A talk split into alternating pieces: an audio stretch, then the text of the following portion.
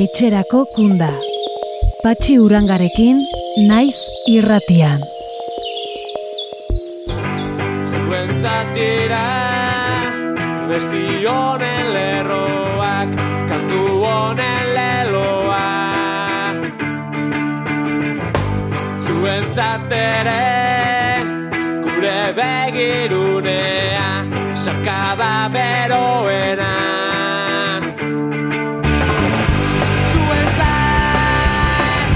Kaixo denoi, eta ongi etorri etxerako punda saiora.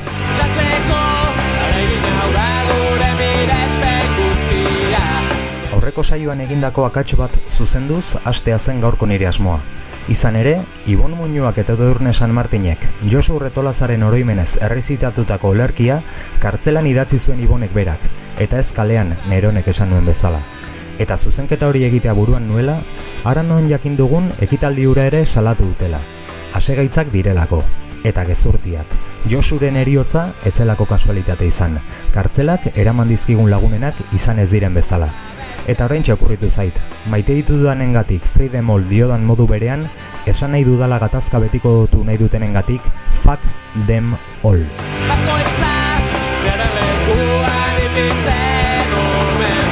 Gaurko saioan, oroimenaren kutsa zabaldu eta hogeita bi urte atzera egingo dugu Jose Maria Gerretxerekin onditze Euskal Herrira ekimena zaritzeko. Ure izan zen motxiladun aurren egoera salatzeko eta ertenbideak eskatzeko eginiko lehen ekimena. Eta hartan ere, buru belarria aritu zen aste honetako elkarrezketatua. Horrez gain, astero legez, presoentzako agurmezuak izango ditugu, eta Oier Gonzalezek gatibu zegoela idatzitako lerki eder bat partekatuko du gurekin. Bagoaz astera, gaurkoan Kanadako No Miss No taldearekin.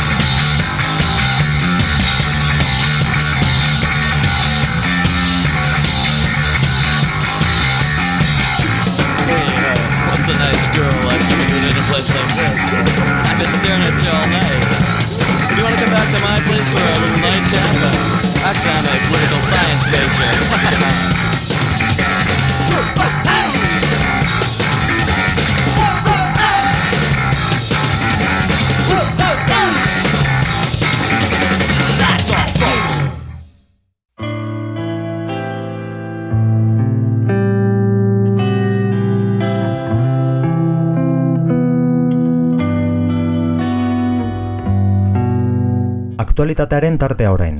Otsailean aritu ginen beratazizketan Joana Garmendiarekin. Gran Xiren kartzelako gutunak liburua euskarara itzuli zuela eta. Ekaitz Xirbent aske. Zarauztarrak amairu urte eman ditu Frantziar kartzeletan preso eta maiatzaren hogeita sortzian atera zen Monde Marsaneko espetxetik. Honen bestez, Euskal preso politiko zuztu da Monde Marsango kartzela eta Zarauzko NG Brigadek ohorezko lendakaria etxean dute berriro. Ongi etorri Xirbent,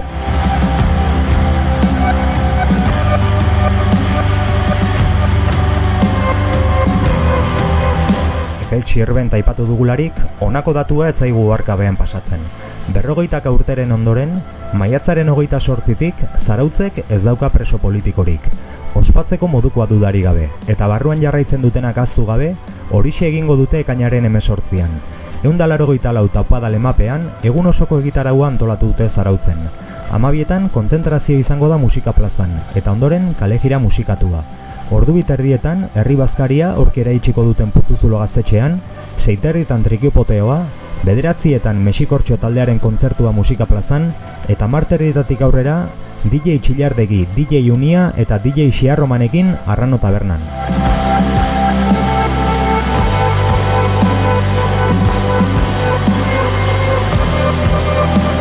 Goxo-goxo mimatzen gaituen entzule jator batek, oharra bideligu esateko presoi askorentzako lan aukera polita izan litekela honakoa. EAeko administrazioak enplegu eskaintza deialdi egin du, oposaketa bidez hainbat alorretan funtzionario gixaritzeko. Administrariak, administrari laguntzaileak, izena emateko epea ekainaren hogeita bian amaituko da, eta informazio osoa euskadi.eu satarian topatuko duzue.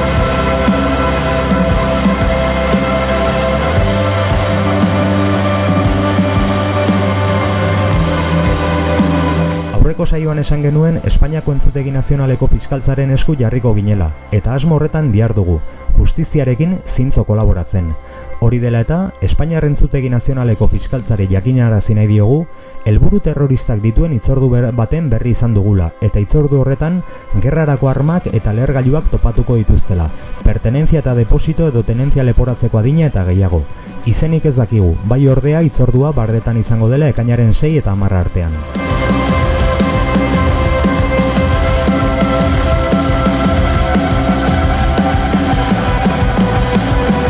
Adi egon, azken eguna baitira Ipar Euskal Herriko Harrera Elkartearen urteroko askatasun gozez saskia eskatzeko. Gogoratu saskia hauen salmentatik lortutako irabaziak, Euskal Preso eta erbesteratu hoiak Euskal Herrira itzultzen direnean behar duten sustengua eman alizateko dela. Eta ekimen honi eta bestelako laguntzei esker, iaz berrogei bat errepresaliatu lagundu zituztela. Ekainaren sei arteko epea dago saskia eskatzeko, eta bi modutara egin daiteke. Baga, elbide honetara gutuna bidaliz, askatasun gozez, makeako bidea bederatzi, 6 lau bi bost 0 kanbo, edota 06 bat zazpi bederatzi iru 0 lau 0 bost zenbakira deituz. Banaketa ekainaren egoita bostean egingo da.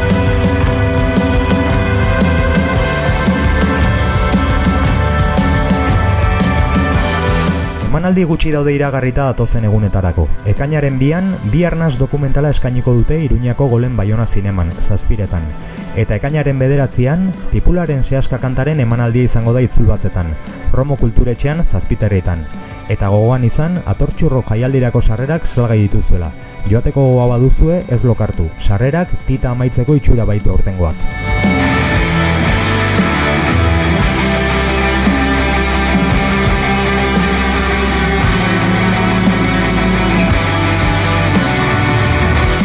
Aktualitatearen tarteu amaitzeko, musio erraldoi bat zabailan gatibu daukaten Juan Luis Agirreri maiatzaren hogeita marreko partez. Zoriona Juan Luis eta zuretzako abesti ederrau.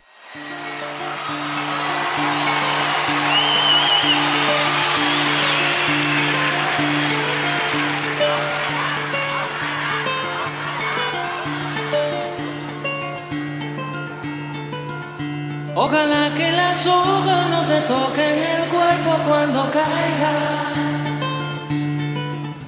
Para que no las puedas convertir en cristal.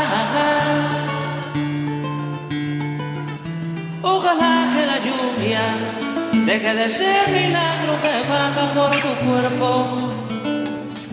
Ojalá que la luna pueda salir sin ti. Ojalá que la tierra no te bese los pasos.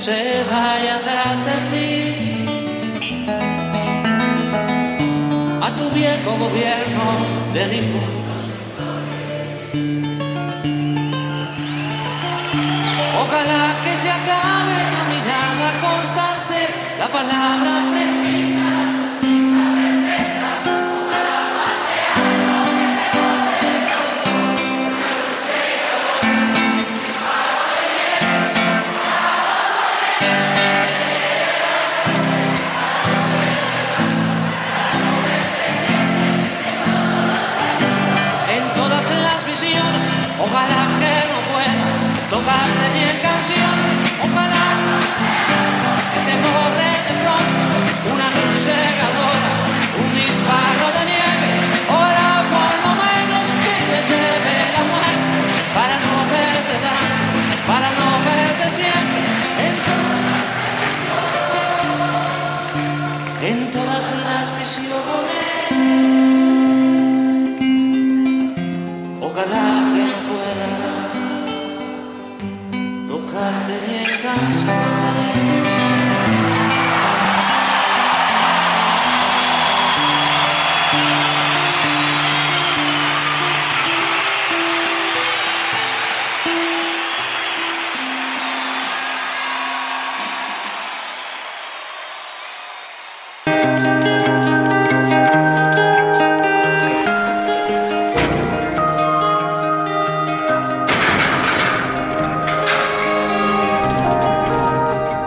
Etxerako kunda.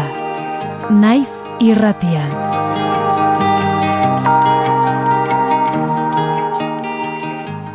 Arestian esan dizuegun bezala, gaurko saioan oroimenaren kutsa zabaldu eta hogeita bi urte atzera egingo dugu Jose Maria Agirretxerekin onditze Euskal Herrira ekimena zaritzeko. Ure izan zen motxiladun aurren egoera salatzeko eta irtenbideak eskatzeko eginiko lehen ekimena, eta hartan ere burubelarre aritu zen aste honetako elkarrizketatua.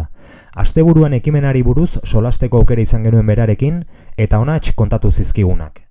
Jose Maria Gerretxe, ongi etorri etxerako kundara. Kaixo, eskerrik asko eta berdin, eh, ongi etorri zuei ere. Azken bospasei urteotan ikusi dugu apiskat motxiladun aurren kontzeptua bera eta eta uzia mai gainean egon dela, jendarteratu dela e, oso modu intentsoan, saltxa guztietan ikusi zaituztegu, baina motxiladun aurren egoeraren salaketa bera, kontzeptua bera asmatu aurretik dator, e, urte desente lehenagotik ez da? Bai, e, gogoan dut oraindik hogeita bi urte badira, onditz e, jaiortzea zala, bera ma maitanen zagaztume, martuteneko espetxean zala, ba, mugimendu bat sortu genuen, onditz Euskal Irrira, ba, bertan zegoen maitanek erditu behar zuelako. Eta orduan e, jaio berria izan behar zuen aur horrek etzuelako Euskal Herrian bizitzeko eskubiderik e, bermatu izango ez.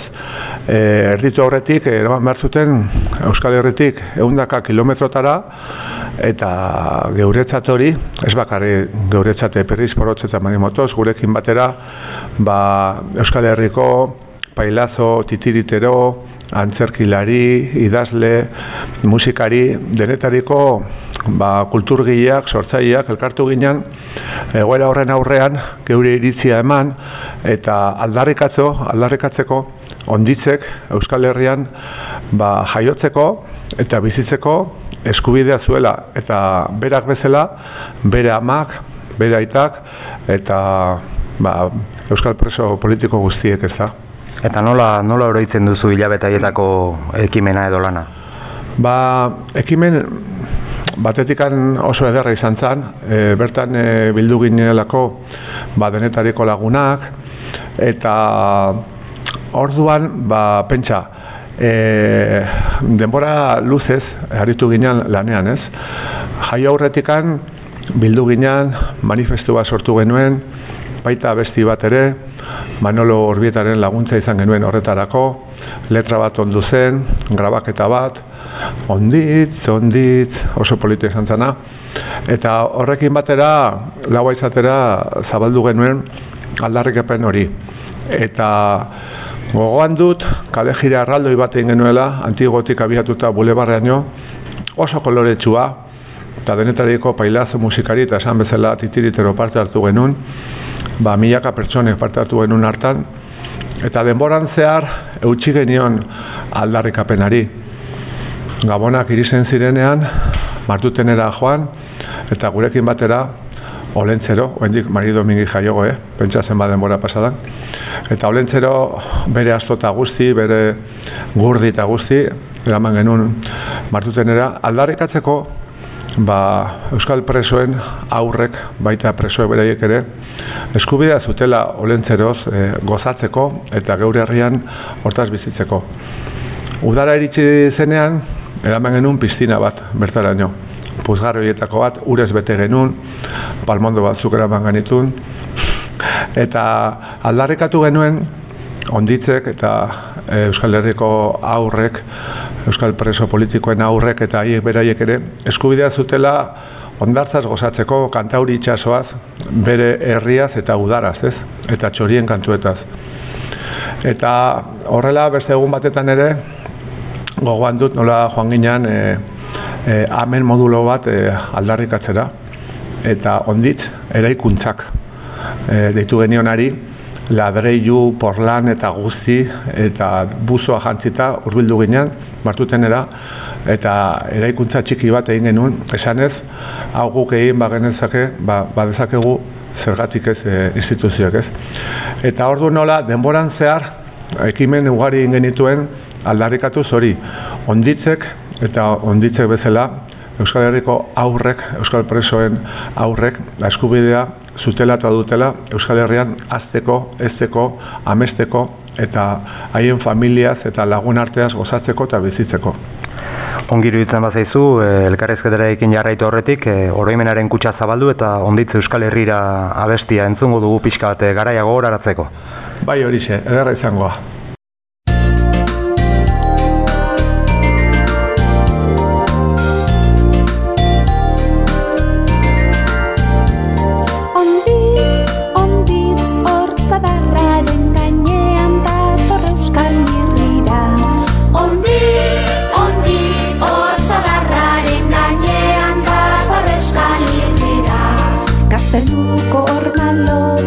Desegin tirargitan, gure lagun guztiak datoz atzetikan. Gazteluko ormalodiak desegin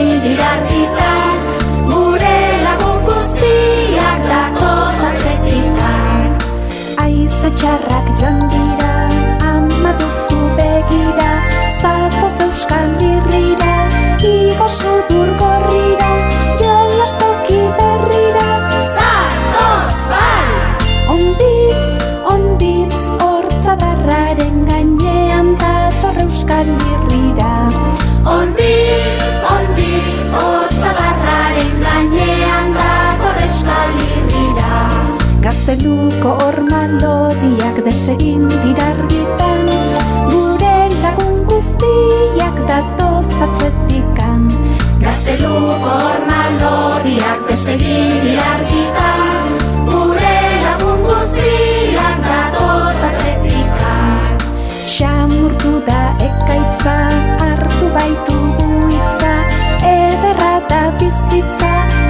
askatasunen giltza Maitasunez gabiltza, zatoz bat! Onditz, onditz, hortza darraren gainean dator euskal mirrira Onditz, onditz, hortza darraren gainean dator euskal irrira Gazteluko horma lodiak desegin dira argitan.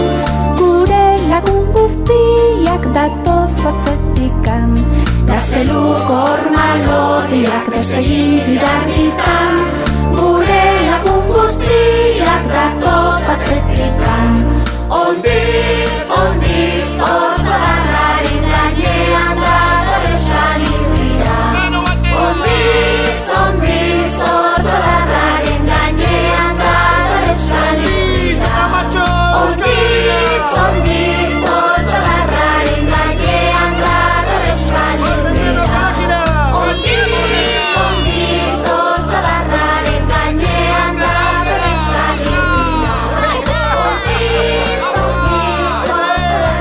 abesti entzun da, aipatu duzu e, onditz eraikuntzak, orain dela goita urteko kontuak, eta berriki jakin dugu orain e, ekaina erdialdera edo zabalduko dutela azkenean e, martutenen amel modulo bat. Ba, pentsa, garai hartan e, aldarrikapeneri ekin genion, eta gogoan dut, batetik e, onditzek urtebete egin zuenian, orduan uste dut, Baiadoliden zegoela, kartzelan, bilanublan, eta joan ginean donostiako udaletxera. Sukalde handi bat eman genuen, patatari jauna, sukaldaria, arekin batera ba, onditze Euskal Herrian ginen e, guztiak, eta ez da sekulan alakorik egin den, baina udaletxeko erregistroan tarta bat registratu genuen.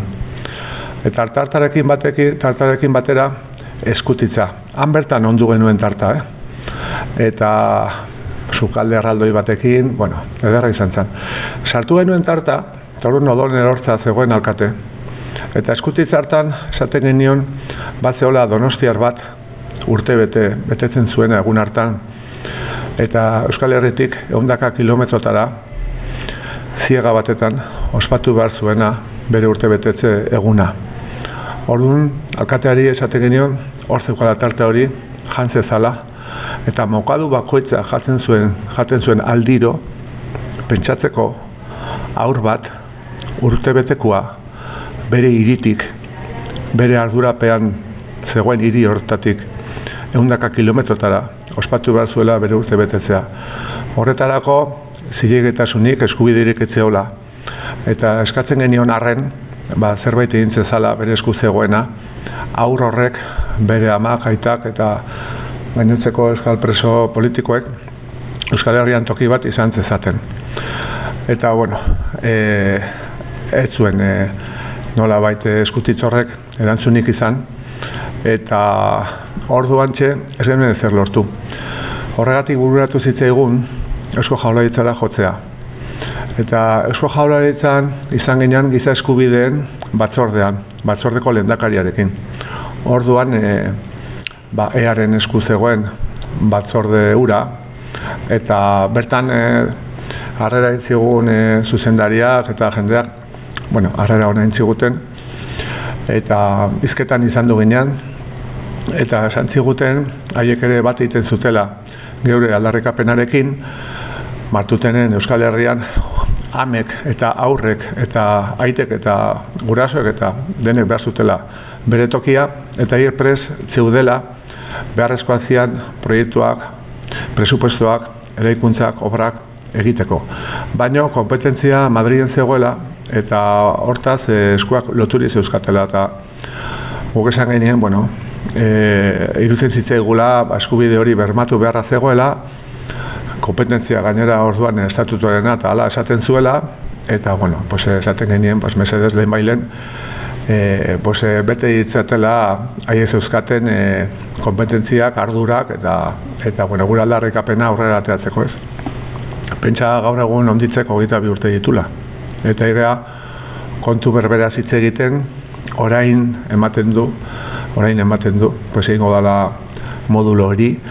Eta orduan iruditzen zaite urti guzti hauek frakaso bat izan direla, ez? E, Euskal Herriko instituzioena eta nolabait e, gu guztion eta aurren eta ardura izan beharko luketen instituzio guzti horiena eta giza eskubideena haien esku izan beharko luketena, pues bueno, pues urte guzti hauek frakaso bat izan direla eta askotan e, zoru etikoaz eta hitz egiten den garai guzti hauetan ba bueno, pues argi gelditzen dela ba, batzuen zoru etiko hori bueno, bakarrik batzuentza dela, ez? Eta eta askok eta askok eta artean aurrek ba, bueno, ez dutela izan eh, horrelako etikarik, eskubiderik eta izan diala baztertuta bidegabeki eta hier oinarrezkoa diren eskubideak pues, alde batera utzita izan direla. Hor, atentzio eman dit, e, instituzioetatik jasotako hitzo honez zaratago, emandako erantzunak, ba, nola dena Madrilen esku dagoen. Izan ere, kuriosoa da, e, kartzeletan euskal preso politikoez arduratzen diren e, segurtasun taldetako funtzionarioek, ba, batzuk zesi, despiak, bezala ezagutuak eta bar, ba, interbentzioz eta bar arduratzen direnek, beti erantzun berdina eman izan dute, e, txabolak miatzerakoan eta bar luze bat edo hainbat neurri hartzerakoan, ez hori Madrilen gauza da. Eta kuriosoa da nola, nola gure instituzioetan ere arduradunek e, erantzun berdina emate zuten. Dena den, esan zuten e, borondetea bat zutela eta egin egin dute. Hogeita bibe urte beranduago, baina egin egin dute. Bai, gu pizkat eh, harreman ura egin genuenetik, pues bueno, eh, esan bezala izan genituen bilerak eta bueno, pues ez zuten eh, fruiturik izan, eh, naiz eta gu, pues bueno, izan genuen interlokuzioa eta bueno, hor galditzen da, ezta? Eta baino gerora pentsa, e, bi kartzela berri egin dira, bat e, Zabaiakoa eta bestea Iruñakoa. Osea, bi kartzela berri egin dira denbora guzti honetan eta e, ez da modulorik ere egin, ez, e, aurrentzat. Orduan, Ni beti esatet, e, estadu baten e, demokrazia neurri maila hori ni kartzeletan neurtzen dut. Eta kartzela dia zerbitzu publiko bat. Ez, e, estaduaren e, eskutan dagoena, herritarrak hartatzen dituena, eta bertako herritarrek ere haien eskubidea dauzkate, ez? Eta kartzelak beharko lukete ospitala bezala. Zenbat alditan joan geha Herrerara, Puertora, edozein kartzelara eta ikusi ditugu, bueno, azteko, ba nola bait, e, bizitara joan behar genuenok, han e, izaten genituen itxaron e, gela hoietatik eta bertako komunitatik ze zikinkeria zegoen bertan, ez? Edo bizita lokutorietan ze zikinkeria somatzen genuen, ez? Un instituzio publiko batek berea den instalakuntza batetan ba, horrelako zikinkeria, horrelako utzikeria, horrelako bazterkeria ba, guzti horrek oso gutxi esaten du estado horren e, demokraziaz eta eta abarretaz, ez? Eta orduan nik uste dut e, giza eskubideak ba, eta guk ederki asko daki hori euskaldunok pues, e, batzuentzat izan direla bakarrik estado honetan eta hauetan ez? Baita frantziar estaduan ere. Eta orduan e, ezer gutxi espero genezakela bai frantziar zein espainiar estatuetatik ez? E, geure herriarekiko geure eskubideekiko eta eta geure herriak ba, bere gerora hizkuntza, kultura, ekonomia eta behar ditugun e, arlo guztietarako e, bueno, ezer gutxi esperatu espero genezakela haietaz, ez? Eta aspaldianik aigegu Euskal Aurre Herri Irri Publika aldarrikatzen eta horrein bidean e, gabiltza denok, ez? Bueno, zuk e, itxarongeletako zikinkeria eta barra aipatu duzu, baina zikinkeri eta iluntasun guzti horren erdian argi pixka bat ere ikusitakoa gara eta bestela ba hor zegoen e, Pikasenten e, herrialde katalanetan e, amen moduluan Pirritx, Porrotx eta Marimototx eta Pupu eta Loreren mural polita, antxe patioan. Eta preso politikoen aurrek ez ezik, e, gainerako preso guztien umeek ere DVD-ak eta ikusten zituzten eta dantzatzen zuten e, Pirritx, Porrotx eta Marimototxekin. Patxi, zuk ederki asko dakizu hori, zu han zinelako, ez? Pikasen zen. Eta ipatu ditugu itxaron gelak, bizitariek eh, jasaten genituen eh, baldintzak ipatu ditugu, ez? Kartzelaren beste aldera bagoaz, barrura. Eta bertan ere aur jaio berriek eta haien gurasoek eta ze baldintzak pairatu izan dituzten eta pairatzea zari naiz. Bai aurren elikadura dala, bai aurren aizialdia dala, aurrek haien familiekin, haien lagunekin jolasteko, pasiatzeko, gozatzeko duten eskubidez ari bagara, nahiko balute aurreskola batetara joan, beti ere aukera hor dago, nahiko balute mendira joan, ondartzara, edo tokira, ez? Bizkat, e, kartzela barruan ere eskubide guzti horiek ez daude bermatuta egoki. Eta orduan, e, esan bezala, ba bueno, e, oso ondo erretatatzen du e, kartzelak eta aurren eskubideen e, bermatze eza horrek e, ze estadotan bizi garen, ez? Gure aldetikan e, beti saiatu gara, zegu pailazoak izanik eta Euskal Herrian herri zerri eta gabiltza saioak eskainiz eta oso konsiente gara, pues badaudela aur batzuk ezin dutela hortara iritsi, ez? Ezin dutela gure aktuazio batetara etorri. Asteburuetan zenbat aurrek, zenbat ehundaka kilometro, zenbat milaka kilometro egin behar izan dituzte. Autobusetan, furgonetetan, kotxetan, ordu luzez, e, baldintzak askarretan, haien e, zenide kutsunak, haien lagunak bizitializateko, eta hor zeuden ez, gu plaza batetan ginen bitartean, antzoki batetan, haiek hor zeuden sartuta ez, eta eta zelena iritsi, nekatuta eskolara berriro joan, bueno, izan da, eta da, salbuespen egoera bat, onartezina, jasanezina, hor egon dana, eta askotan, e, pues ez dakit, nola esan, pudore bat ematen digu, ez, e, aurre, aurrak palestrarateatzea, eta urte luzetan hori gertatu izan du da, ez, e, jo, ez nola bait babestu nahi genituen aurrak, ez, esposizio publiko horretatik, ez, eta orduan, pues, izan da gai bat, iaia, pues, e, zizitu ez dana, e, irritxoen eguna egiten genuen urtero, eta bertan e, herri ezberdintan dugu urte luzetan, hor elkartzen ginean bizita horietan zeuden ume guzti horiek, haien zenideak, eta nahi genuen bizkat elkarrekin egon, elkar goxiatu, bizkat ikusi ere ez gaudela, ez garela bakarrak, ez, gu bezala asko daudela, eta eta gurekin batera pues e, askok eta askok bat egiten dugula, ez? E, eskubide hoiekin, elkartasun horrekin eta geure ametxekin, ez? Herri bezala dauzkagun ametxekin. Eta bueno, beti egondu gara hor irritxoen egunean edo batean genituenean gure gauzak, gure disko DVD zuk aipatu duzun bezala, geure kamiseta edo ipuinak ba, paketeak egin, e, kartzeletan sartu, eta aurroiek gainontzeko ume guzti bezala pues, e, pues, gozatu dezatela ez? E, abestietaz eta kantuetaz eta Euskal Herriko paiasoetaz eta eta gaietaz eta bizitzaz ez? Eta bueno ba hortan saiatu gara gu eta beste askok eta pues orain zuke esan bezala ematen duenez orain modulo bat egingo da e, Euskal Herriko karteletara hurbiltzen ari dira presoak pausoak ematen ari dira poliki poliki. Eta bueno, pizkate gure aldetikan ikusten deguna da azkartu behar degula prozesu hau, denon implikazioa behar dula e, instituzioetatik, behar dian gestio guztietatik eta kalearen aktibaziotik, ba nolabait Euskal Herritar guztiok bat egin dezagun Euskal Herrian. Esan bezala geure Euskal Aur Herri Irripublika eder hori, ez mundu itxusi honetan, baino baina Euskal Herri eder hori ba, lortze aldera, ez? E, pauso horiek denon e, beharra eta indarra behar, behar dute eta hortan ari gara. Eta behin Euskal Herri Irrepublika hori lortuta, kartzela gaztetxe?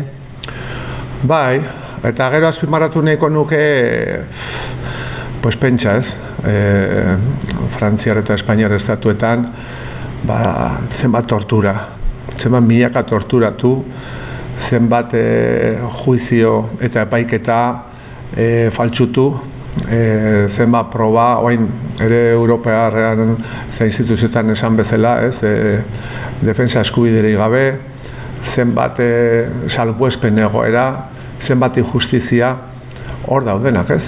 E, Espainiarentzat emateu pues, e, dena libre dala. Iraken e, eundaka milaka persona erasotuta hiltzea, e, bide gabeki torturatzea, inkomunikazio sistemak ezartzea, e, behar den e, ba, defensarako minimoa diren eskubideak bermatzea, eta, bueno, eta bar luze bat, eh, zenbat e, bortxaketa, zenbat e, erailketa ere, daude. Hor, mm, sekreto ofizialen batzorde baten pean, izkutuan, eta zenbat arduradun politiko, e, judizial, polizial eta denetarikoa daude egunerokotasunean oso ondo biziz, eta balantza, ba, hortan e, beti alde batera erortzen da, ez, e, herri txikia gara, e, geure ametsa ditugunak, gero egunerokotasunean borrokatzen dugunak, eta horrek badakar berarekin, pues esan bezala izokeinen moduan saltoka korrontaren kontra borrokatu behar izatea, eta nekeza da hori, eta,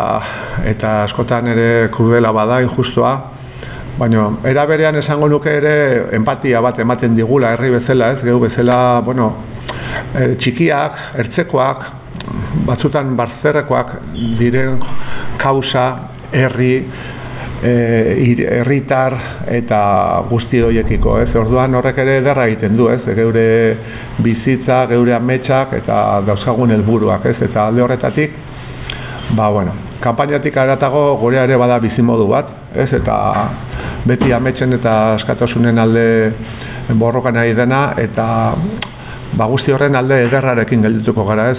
Eta ederretan ederrenak dia gure aurrak, gure umiak, ez? Eta haientzat eta haiekin egiten ari gara Euskal Herria gaurkoa eta etorkizunekoa, ez? Eta hortan jarraituko dugu, denok elkarrekin. Bob izan sekzioen, Irlandarren mendekoa izango dela, Irlandar umen irria errepublikazke batean. Euskal Herrian ere ala izango da? Ba, Irlandan bide horretan doaz, eta harin-harin, eta Bob izan zen helburuak erdi etxiz.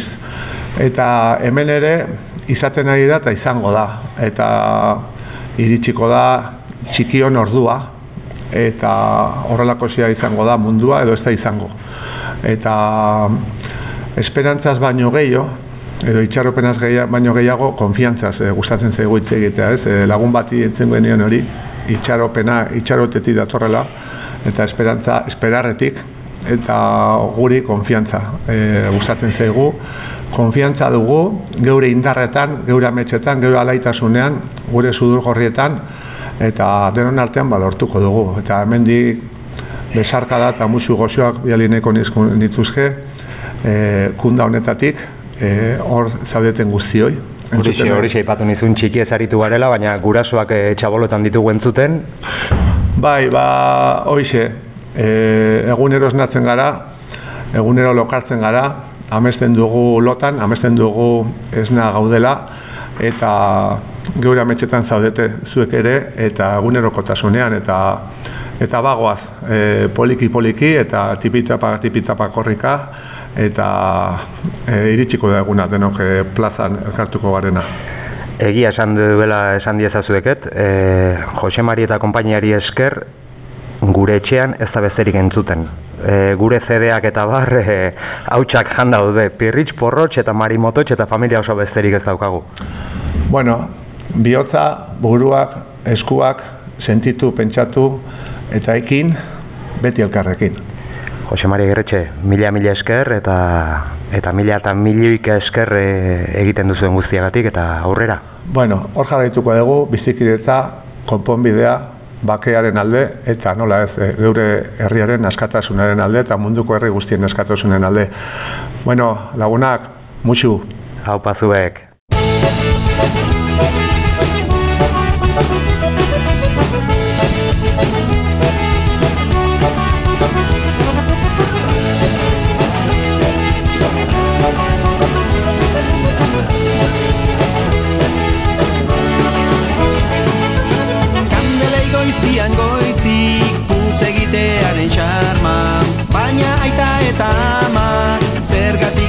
Zergatik daude pozik Motxila bat opari. Ez liburu eta ez margo Barruan ez zen ez dago zergatik dut zama hori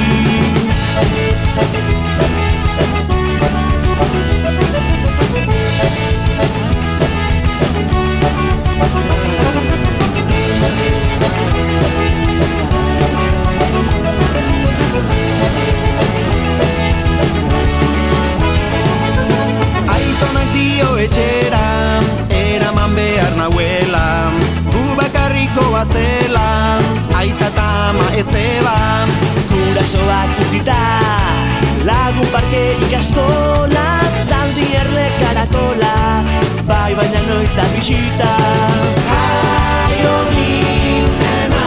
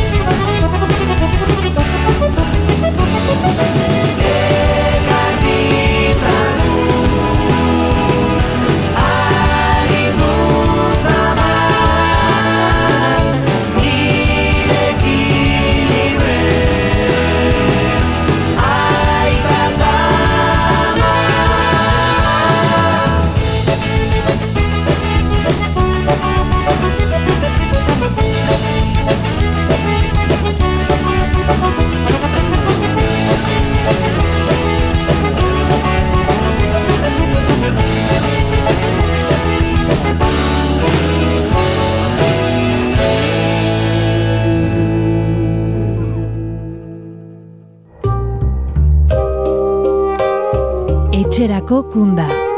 Patxi urangarekin, naiz irratian.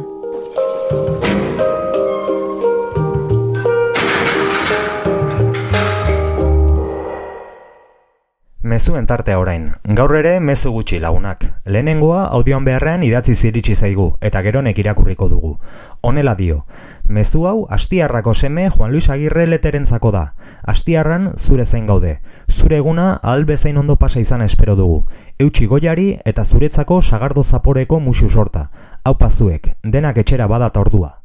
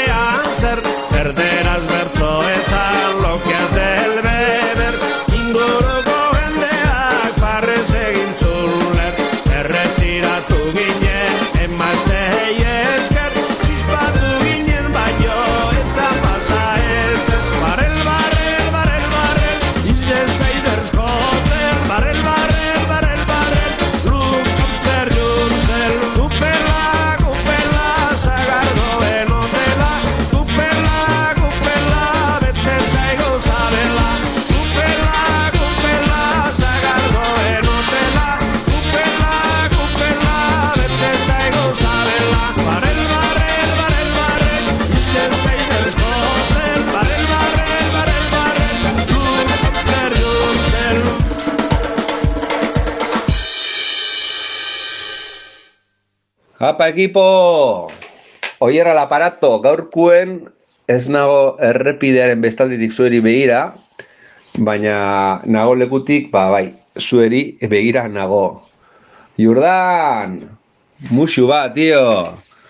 A ber, ja, joe, aitzol mortu, aitzol, igual entzuko zu mesota. Azken mesua, e, ba, barrote atzean edo muruen bestaldian, eh?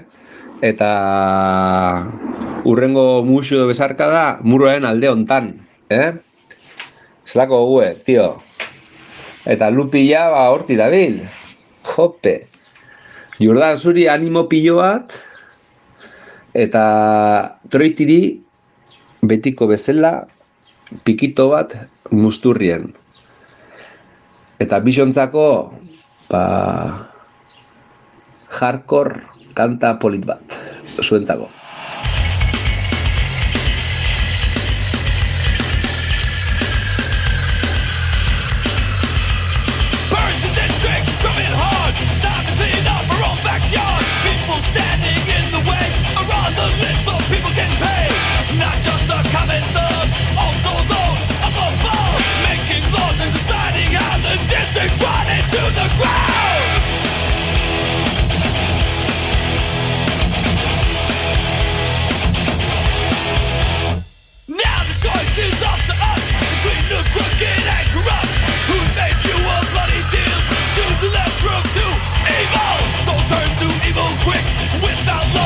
Discipline.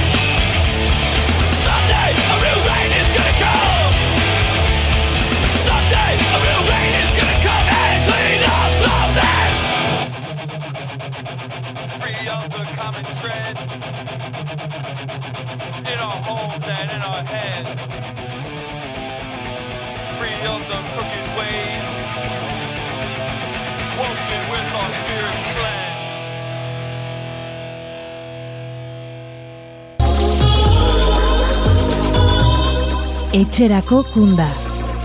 Naiz irratian.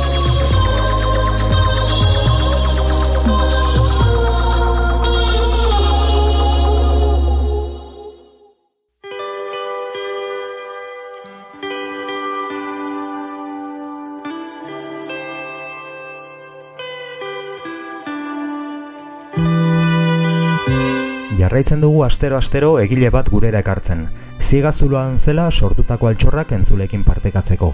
Asko eta asko direlako kartzelan idatzitako lerki ipuin eta bertsoak. Margotutako irudietako adroak. Gaurkoan zuekin, Oier González. Kontrabandoan igariotako hitzak. Artega dago mutila. bezperan berandu xamar arte aritu da letrak juntatzen. Maiko lanparatxoaren argipean luma eta papera. Tinta beltzaren jarioaz, txuria den espazioa, hitzez zipristintzen ari da. Bonbilaren argiak, maia eta mutila bera, zirkulu horiska bate baitan biltzen ditu. Antzokiko argiek, antzeslea taularen gainean zirkulu batean biltzen dituen bezalaxe. Ziegako taularen gainean, mutila, bere trama propioaren antzesle. Eta badirudi, argi horren baitan, aldiro, bere mundutxo propioa eraikitzen duela. Maiaren gainean, urbotila. Azken tragoa falta zaion tea, kristalesko mermelada poto batean. Horrien nahazpila. Urdin koloreko gutuna zala, argazki bat. Baina hori atz izan zen, eta gaur arte da, artega dago. Lo faltagatik begiak kiskaliak dituela senti dezake. Gauean, letra artean ibiltzeak eragiten duen erredura. Hala ere, nekearen gainetik, paperean bere baitako munduaren zatitxo bat askatu duelago atsegina. Bere territorio intimoaren sentimetro karratu parea gutun azal batean gordeta. Praketan disimulatua daukan gutun azal urdinean, bere baitako eremu horren sentimetro karratu parea. Artega dago mutila beraz. Gainontzeko presoen antzera, lokutorietara jotzeko atea noiz irekiko den zain. Gorroto du istan dago, ez daki zein funtzionariok irekiko duen atea. Lokutoriora sartu horreko miaketan ez du hartuko duen ere ez daki. Galtzetan darama mundu miniatorazkoa kanpotik ikusten alda. Ziur da ezetz, baina Atean azalduko den txakurrak mutilaren urduritasuna usnatuko aldu? Latez aseptikos jantzitako eskuek, gerrialdea miatzean, praka eta alkandoren artean gordetako gutuna zala nabarituko aldute? Atea ireki da. Uniformatua eskutsuri aseptikos armatuta preso hilararen buruan paratu da. Messie González, box an mutila hilaran doa, pausuz pausu, eta ez daki astiro egin mugitzen ote den edo harinegi. Zelatatuaren ezin egona. Atea, uniformatua, bere eskuen mugimendu mekanikoa bizkarretik behera, gerrialdea, praketako poltsikoak, txorkatilak, ondo. Badoa. Badoa miak eta atzean utzi du. Lokuturera sartu horreko azken pausuak, lehen bezarkada, musuak, eta aspaldi irakurritako hitz batzuen oihartzuna iritzi zaio bere barrunbetatik mutilari. Kontrabandoaren sakuetan bidaltzen duten hitzak, bestela iristen diren hitzen antzekoak dira. Mezu bertsua daramate, baina lerro arteak intimoak dira. Hitzen arteko espazio infinitua bihurtzen da hala. Idatzi duenaren eta irakurriko duenaren bi, ametsa, bi bien ametsak kabitzen dira bertan letren artean amets egiteko espazio infinitua. Lastanetik lastanera, gerripetik gerripera, espetxetik kalera, kontrabandoan askatuko den gutuna. Les histoires sont des lettres. Des lettres envoyées à n'importe qui. À tout le monde. Mais les plus belles sont faites pour être lues par quelqu'un en particulier. Eskerrik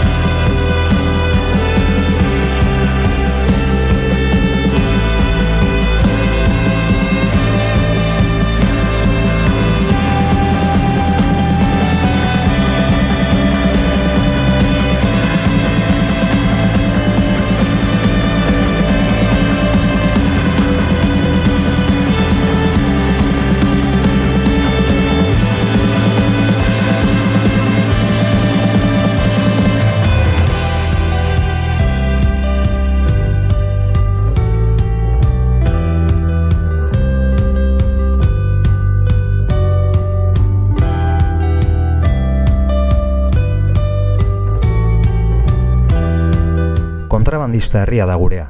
Arresiaren alde batean zein bestean, kontrabandora behartuak izan gara mendetan. Eta oraino, baditu hamaika kontrabandista gatibu eta munduan barrena. Iesi, naiz deportatuta. Haientzat guztientzat, gure besarkada sentikorrena. Entzule, plazera izan da. Datorren astean okerrik ezean hemen izango gaituzue, etxerako kundan. Beti, azken kunda izango den itxaropenaz, etxera ekarriko dituen kundan. Bitartean, ondo izan, eutxi ikastari eta aurrera beti. Aio!